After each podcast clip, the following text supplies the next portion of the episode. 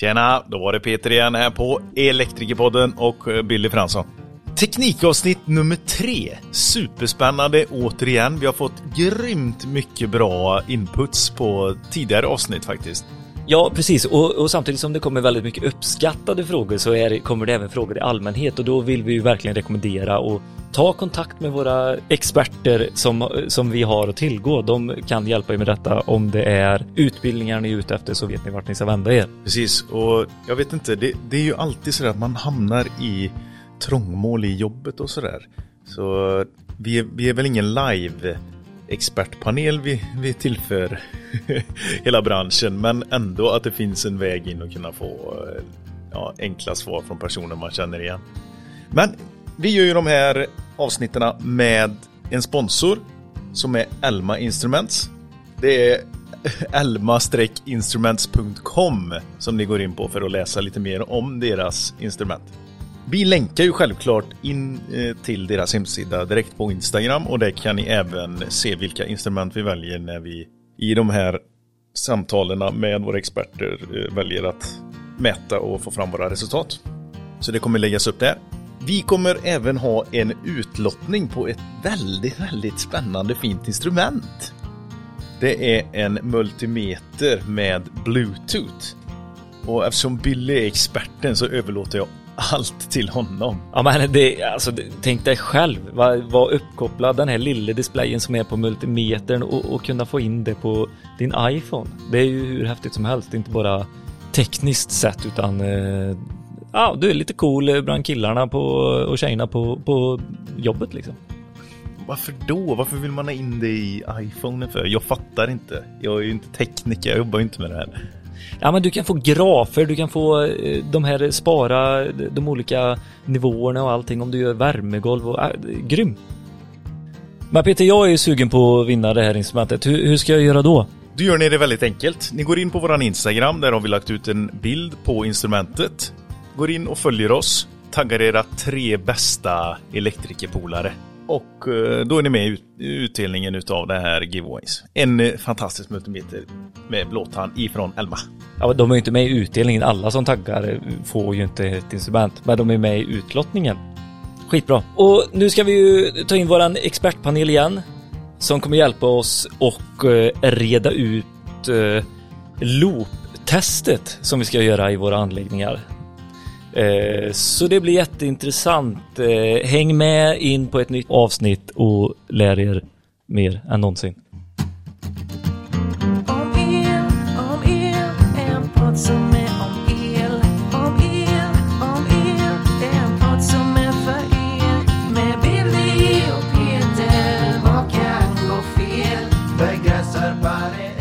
Ja, då har vi kommit till isolationstestningen eh, som är våran våra tredje avsnitt i den här serien med expertpanelen. Och då ställer man ju frågan med en gång, varför utför vi detta testet?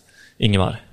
Ja, egentligen ska vi bara försöka beskriva ett maktförhållande. För vi vill ju ha kontroll över all den ström som ska nu flyta i våra kretsar.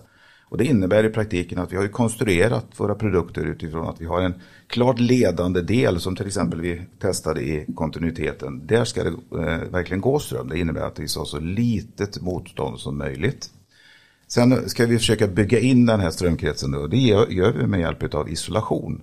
Och vi kanske kan tolka in det utifrån definitionen isolation, att det ska vara isolerande hölje. Då måste ju säkerställa att det här isolerade höljet är intakt. Där har jag en fråga med PEX och PVC. Det är ju en typ av isolation. Varför kan den ena bära mer ström än den andra?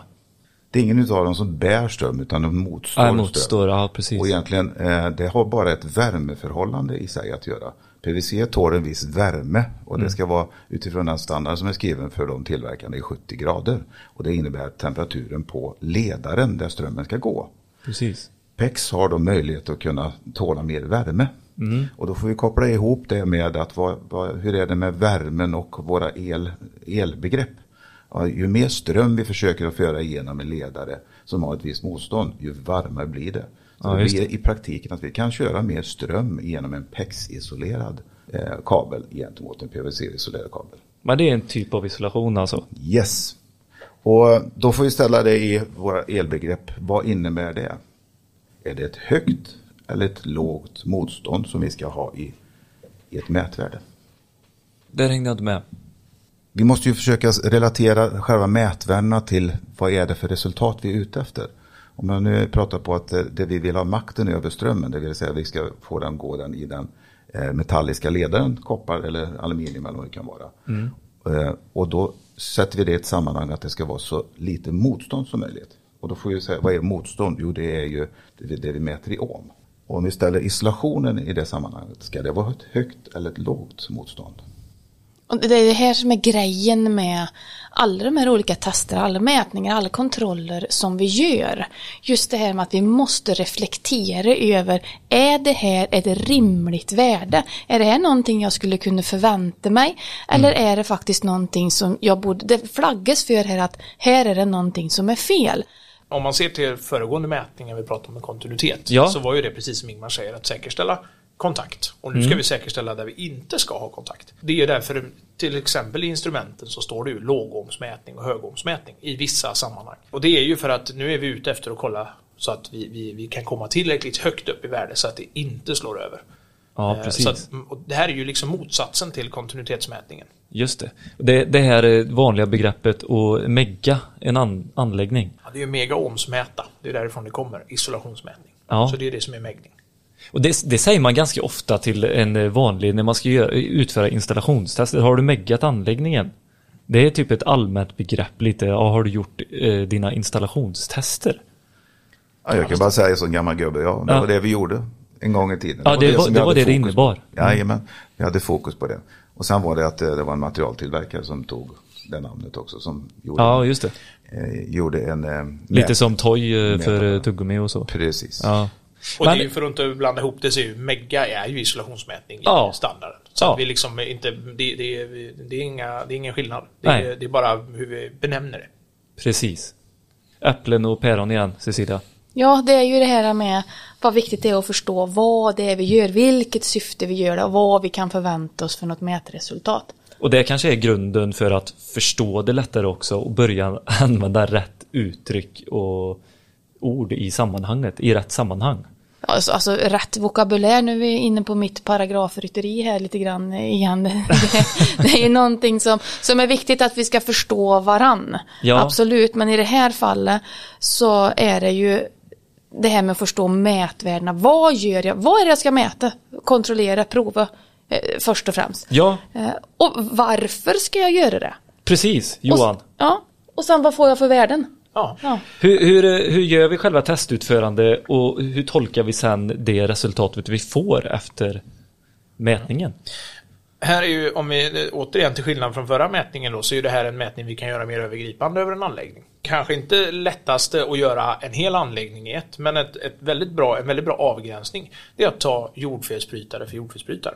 Eh, för det som är viktigt är att vi kan inte ha kontakt tillbaka mot transformatorn, matande nätet, för då kommer vi få ett genomslag. Så att vi måste se till att det är av, liksom avstängt bakåt eller att vi lossar neutralledaren. Men väldigt enkelt är ju faktiskt att bryta en jordfelsbrytare då. Det här är ju fortfarande ett, en mätning som görs i en spänningslös anläggning, så mm. det ska ju inte misstas utan det är fortfarande spänningslöst. Men det är skillnad på att ha spänningslöst genom att huvudbrytaren är avstängd och om jordfelsbrytaren är avstängd eftersom den också klipper nollan bakåt. Då. Precis. Eh, så att vi ser till att jordfelsbrytaren är av och vi ser till att alla utgående grupper på den är på. För att vi vill ju se till att komma se, alltså tänker jag att det mätinstrumentet ska ju faktiskt skanna av installationen och vill se så mycket som möjligt av installationen. Det var ganska snyggt förklarat att vi ska skanna av anledningen mm. med hjälp av den här, det här testet. Yes, så att därför då, och det som vi gör är att vi skickar ju alltså en högre spänning än vad anläggningen är gjord för.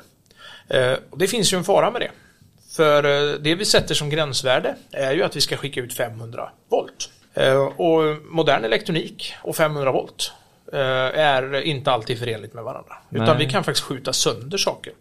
Så det man gör då och det som den metod som, som elinstallationsreglerna föreslår det är ju att vi med hjälp av det, ja, om jag säger bläckfisk så tror jag de flesta förstår vad jag menar. Vi, ja, alltså precis. Det här magnetverktyget där vi gör en punkt. Ja, och det har ju, det har ju Alma med sina så, som ett tillbehör som man kan köpa eller så får man med det när man köper Eurotesterns kit. Så det är ju superbra. Yes, och då, då gör man ju det på ett väldigt enkelt sätt. Man har fyra stycken magneter som man sätter då på undersidan jordfelsbrytaren och så får man en punkt. Då har man alltså kortslutit alla tre faser och nolla. Som sagt var, det är en spänningslös anläggning. Då får vi en mätpunkt. Och den mätpunkten mot jorden i anläggningen så kommer vi då få med oss varenda utgående gruppledning i det här. Så då har vi alltså bläckfisken på våra utgående grupper och den andra delen i mätinstrumentet har vi mot jord.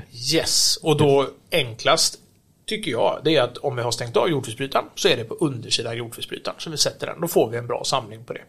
Eh, så då får vi ju två punkter. Vi får den här kortslutna punkten, fasen och nollan tillsammans och så mäter vi mot jord. Vi skickar ut 500 eh, volt och där då så ska vi ju se till att vi inte har kontakt. För skulle det vara så att vi har kontakt så, så kan det vara någonting som har skadats under resans gång. Det kan vara, eh, vi gör det enkelt för oss, vi skyller på någon annan yrkeskategori. Det kan vara en snickare som har klämt en kavel, ett rör med en, med en regel. Rörläggaren kan ha varit i vägen och klämt någonting. En skruv i väggen, gipsskivorna yes. sitter allting som skulle kunna ha antingen skapat full kontakt eller mosat en kabel på ett sånt sätt så att det här avståndet som är mellan kopparledarna tack vare isolationen i en hel kabel kanske har bara reducerats till någon liten, liten, liten del. Men om du bara har kontakt mellan eh, nolla och fas och inte jord, får du utslag då? Nej, och det är ju ett val, alltså det är en tillförlitlig metod. För att om vi nu skulle väga det här mot att nej, vi måste även jaga tag i de här små överslagen som du nämner här mellan fas och, och nolla. Eh, då kommer vi också få problem att vi skjuter sönder saker och då kommer följden också kunna bli att nej, den här mätningen kan vi inte göra, får vi inte göra, det här blir dumt. Kunden säger nej, den får du absolut inte göra, montörer blir rädda för att göra den. Mm. Så att det här är ju en balansgång. Och det är ju samma tekniska kommitté som har skrivit elinstallationsreglerna som Cecilia och, och Ingmar är medlem i. Mm. Där man faktiskt har, har sagt att ja, men det är en rimlig bedömning att det är okej okay att göra detta. Sen finns det undantag.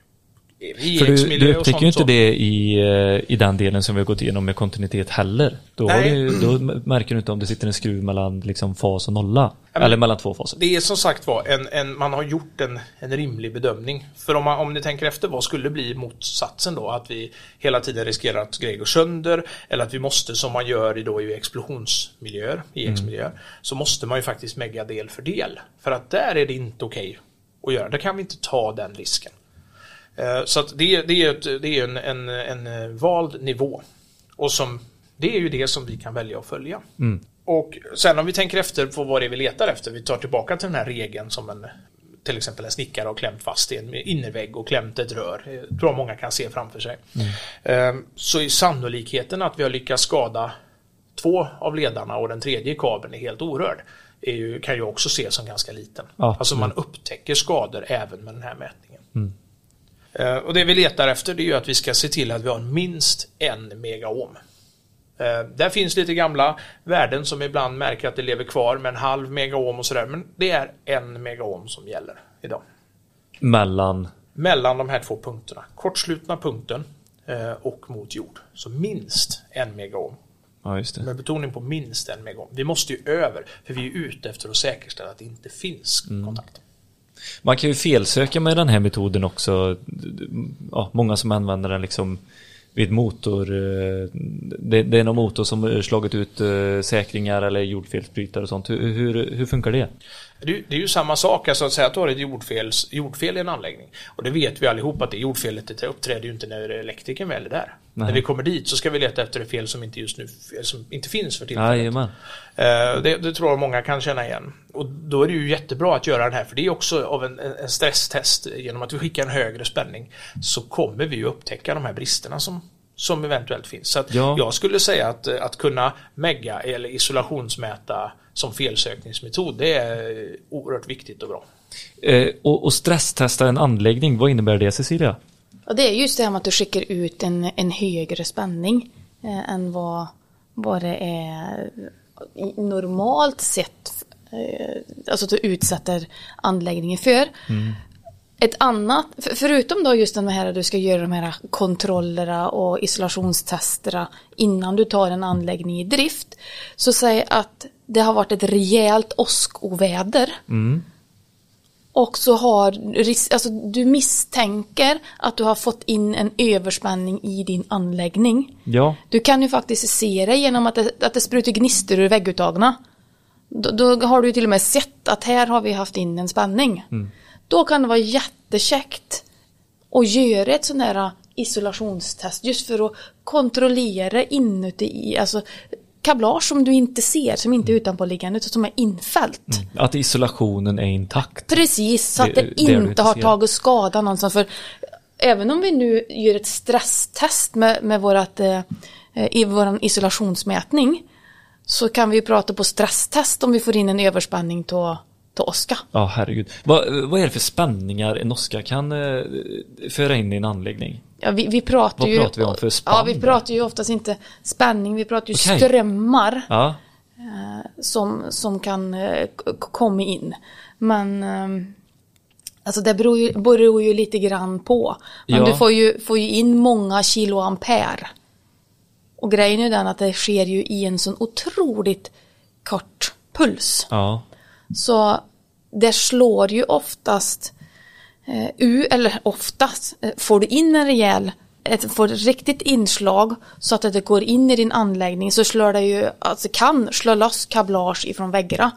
Alltså de, alla klamrarna släpper. ja herregud. Så att det, det, man kan se det lite grann så här, som att det kommer en Formel 1-bil i, som kör allt vad den kan. Så kommer den till 90 graders kurva. Ja. Han klarar ja, inte det, svänga. Nej, det går inte. Nej, utan det går rakt. Ja. Och då därför då, så det slår igenom allting som är från den här pulsen som kommer. Den otroligt snabba pulsen. Kommer det inte med någon spänning? Där det finns ström finns alltid spänning? Jo, eller? det är överspänningsskydd sätter vi ju för att förhindra att det ska komma in en högre spänning Ja. som slås under. För att det är ju det är spänningen som är emellan de vanligt eh, strömförande trådarna, det vill säga faserna och nollan. Det är ju där vi ska hålla nere den strömspik, eller förlåt med spänningsspiken. Ja, precis, för det är det man ofta säger att man har överspänningsskydd Ja, vid åsknedslag Ja. eh, etc. Det var det, det var, så jag blev väldigt frågande till att Ja, vi pratar ja strömmar. jo, nej, men alltså, jag är ju på den andra, nu var jag på den andra sidan. Alltså, Ja. när vi säger vad- hur kraftigt åsknedslag var det här? Ja. Då mäter vi det i strömmar. Okej. Alltså, vad var, för, alltså, en blixt är ju en elektronrusning. Precis som våran ström är en transport av elektroner. Ja. Så är ju det i en blixt. Så det var där jag menar med att det är en strömpuls. Men visst ger det upphov till spänningar. Absolut. I praktiken blir det att överspänningsskydden leder ju tillbaka strömmen ner i jorden. Så liksom den, den, den sluter helt enkelt en krets när det kommer en sån här hög eh, överspänning och ström och leder ner den till jorden så den inte går in i anläggningen helt enkelt. Just det.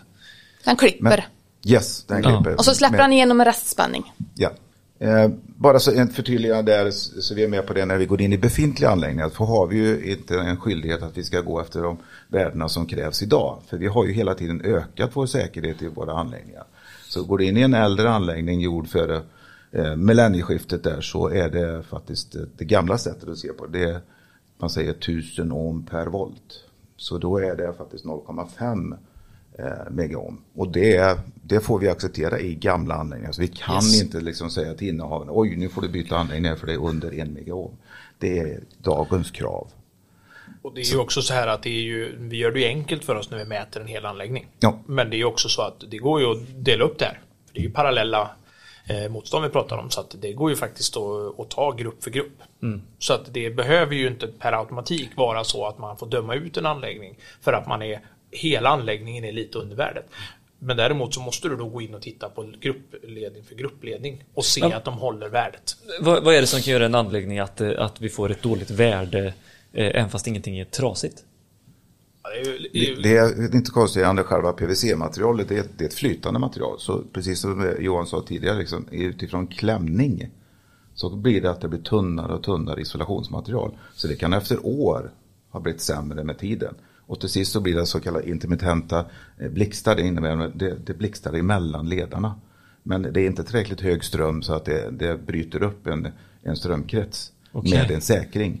Det är därför till exempel vi har eh, något som vi kallar för AFDD idag. Det är att man kan se de här ljusbågarna för det är det det blir. Det får vi nog ta ett eget avsnitt om. Jajamän. Eh, Jag ville bara säga det att det finns alltså möjlighet att kunna mäta egna kretsar idag som är väldigt eh, vanligt förekommande klenspänning.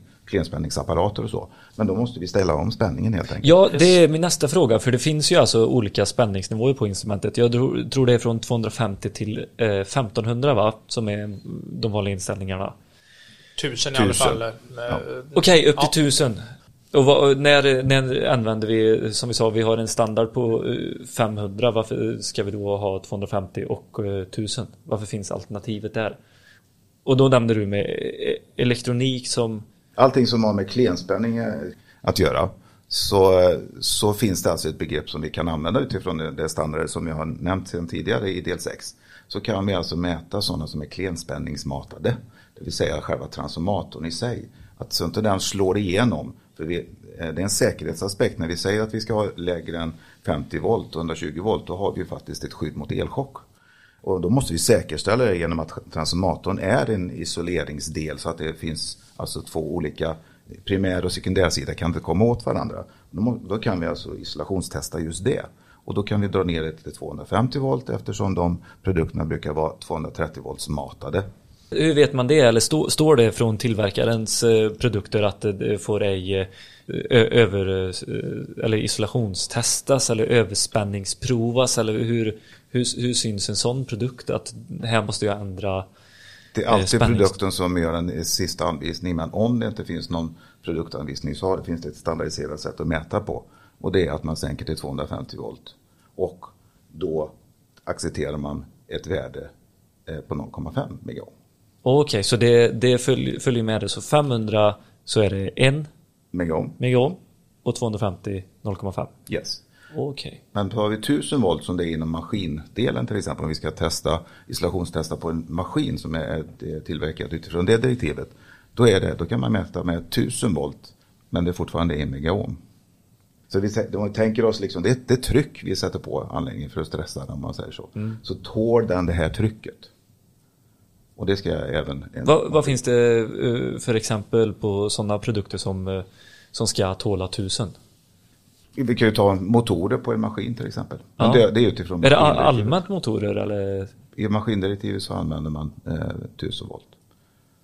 Men i våra vanliga elinstallationsanläggningar så räcker det med att använda 500 volt.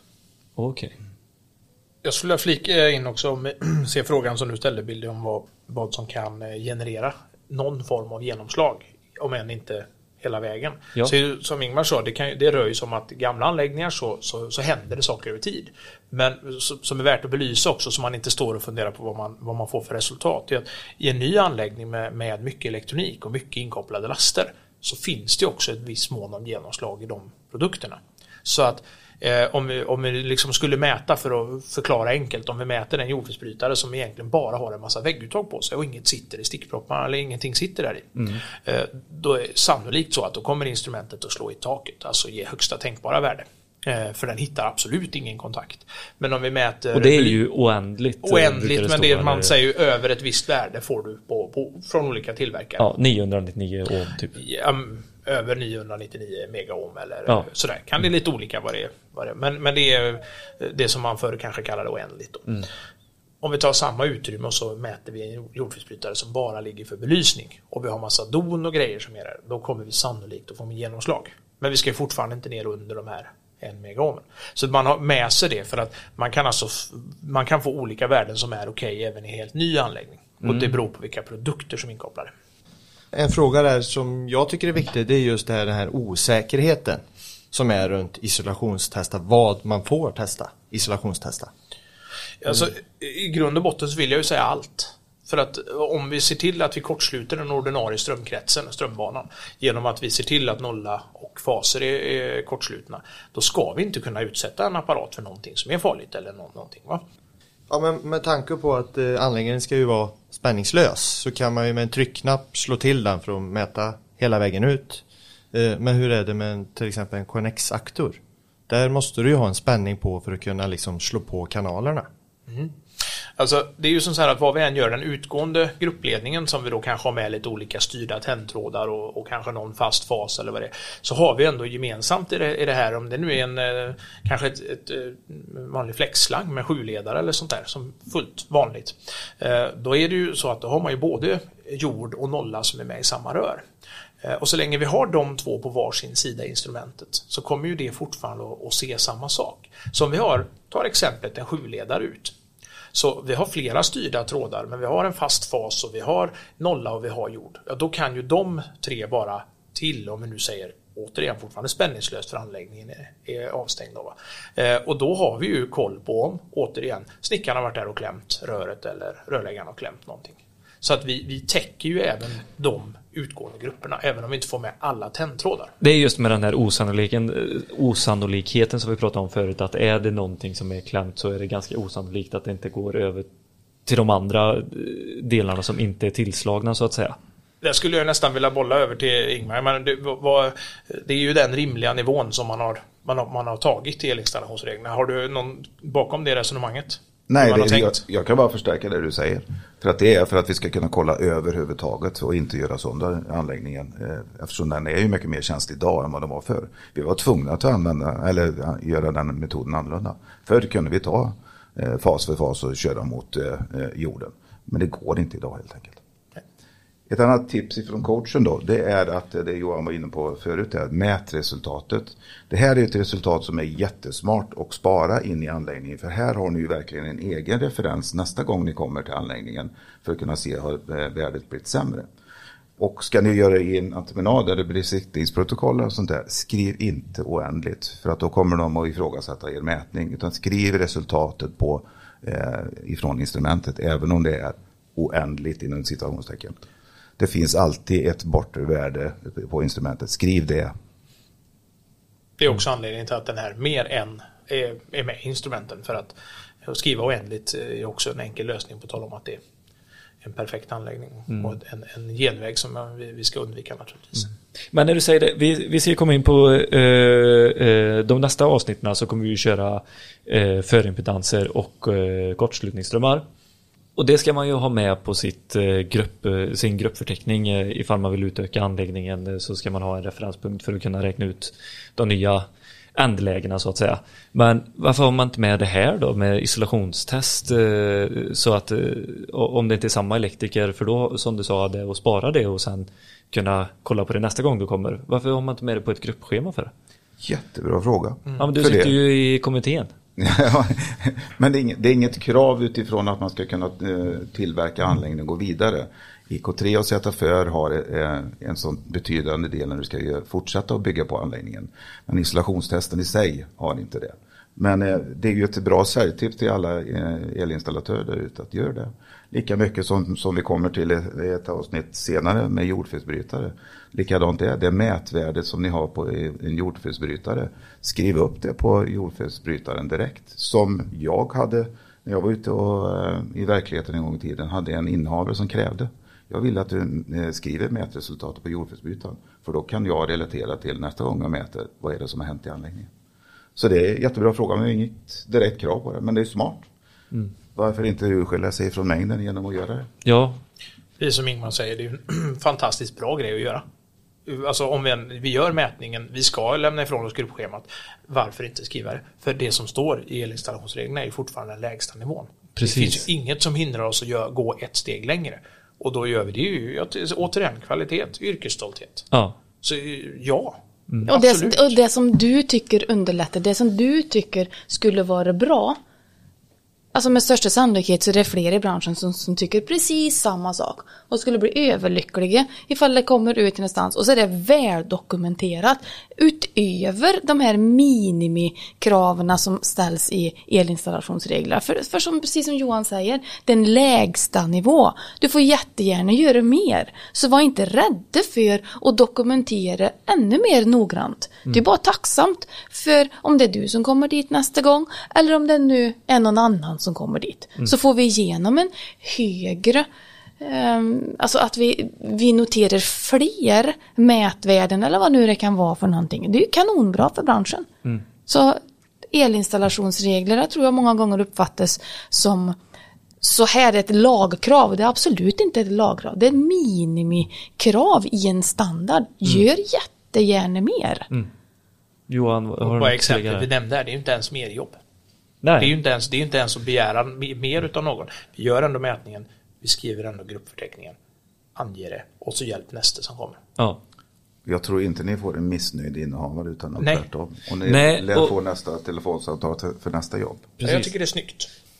Eh, ja, och nu hoppas vi att eh, vi har kommit ut eh, bättre och gjort er klokare ännu en gång. Cecilia, du sa ju något bra där eh, förut med dina utbildningar, att de kommer dit med, med frågor upp Ja. till knäna. Men, Ja, ja, ja nej, men precis. Jag, ja, för det första så brukar inte jag kalla mina utbildningar för utbildningar. Utan jag ser ju det här som utmaningar. Och på, på min hemsida så kan man då söka efter utmaningar och just inte utbildningar. För det, det är så jag ser det. Jag utmanar mina deltagare och de utmanar mig. Och jag brukar säga det, jag brukar börja varje utmaning med att om vi lägger alla era frågor på hög, tror du vi skulle kunna komma upp i knä, nivå med, med knä då. Jag håller oftast utmaningar om, om potentialutjämning och då skrattas det ofta till gruppen och säger ja, minst. Ja, okej. Och så har vi den här diskussion och sen när vi börjar närma oss lunch, aha, nu har vi börjat se en röd tråd. Och då sjunker antal frågor i gruppen. För man börjar känna att ah, det här greppar jag. Med ett stort leende går vi nöjda på lunch. Sen när klockan närmar sig tre, halv fyra. Då går liksom, då ser man att, att deltagare sitter och funderar. Och helt plötsligt ifrån och vart vid knänivå ner till, vad, till fotknölen ungefär med frågor så är de upp i taket med antal frågor. Alltså vi har mångdubbla antal frågor. Och vi, jag kan verkligen se, jag kan nästan höra hur kugghjulen snurrar hos deltagarna. Ja. För nu har de fått verktygen för att kunna bearbeta sina frågor ifrån vardagen. Ja. Jag har utmanat dem så pass mycket så tankesättet har, har förändrats och man har fått verktyg i den här verktygslådan. Och som sagt, man börjar att fundera varför gjorde jag så där? Hur ska jag göra i nästa projekt? Hur var det med kabelstegen där exempelvis? exempelvis. Så just det här med frågeställningar, det, det är ju, tycker jag är jättebra. ja. Så på, på potentialer.se så kan ni läsa mer om utmaningar helt enkelt. Ja, jättekul. Och vi är så tacksamma att eh, ni vill eh, vara med och hjälpa oss att bena ut eh, de här begreppen och utmaningarna som vi har. Så eh, praktikanttim och Peter och jag själv tackar så jättemycket för detta avsnittet. Se fram emot nästa. Tack. Tackar. Tackar.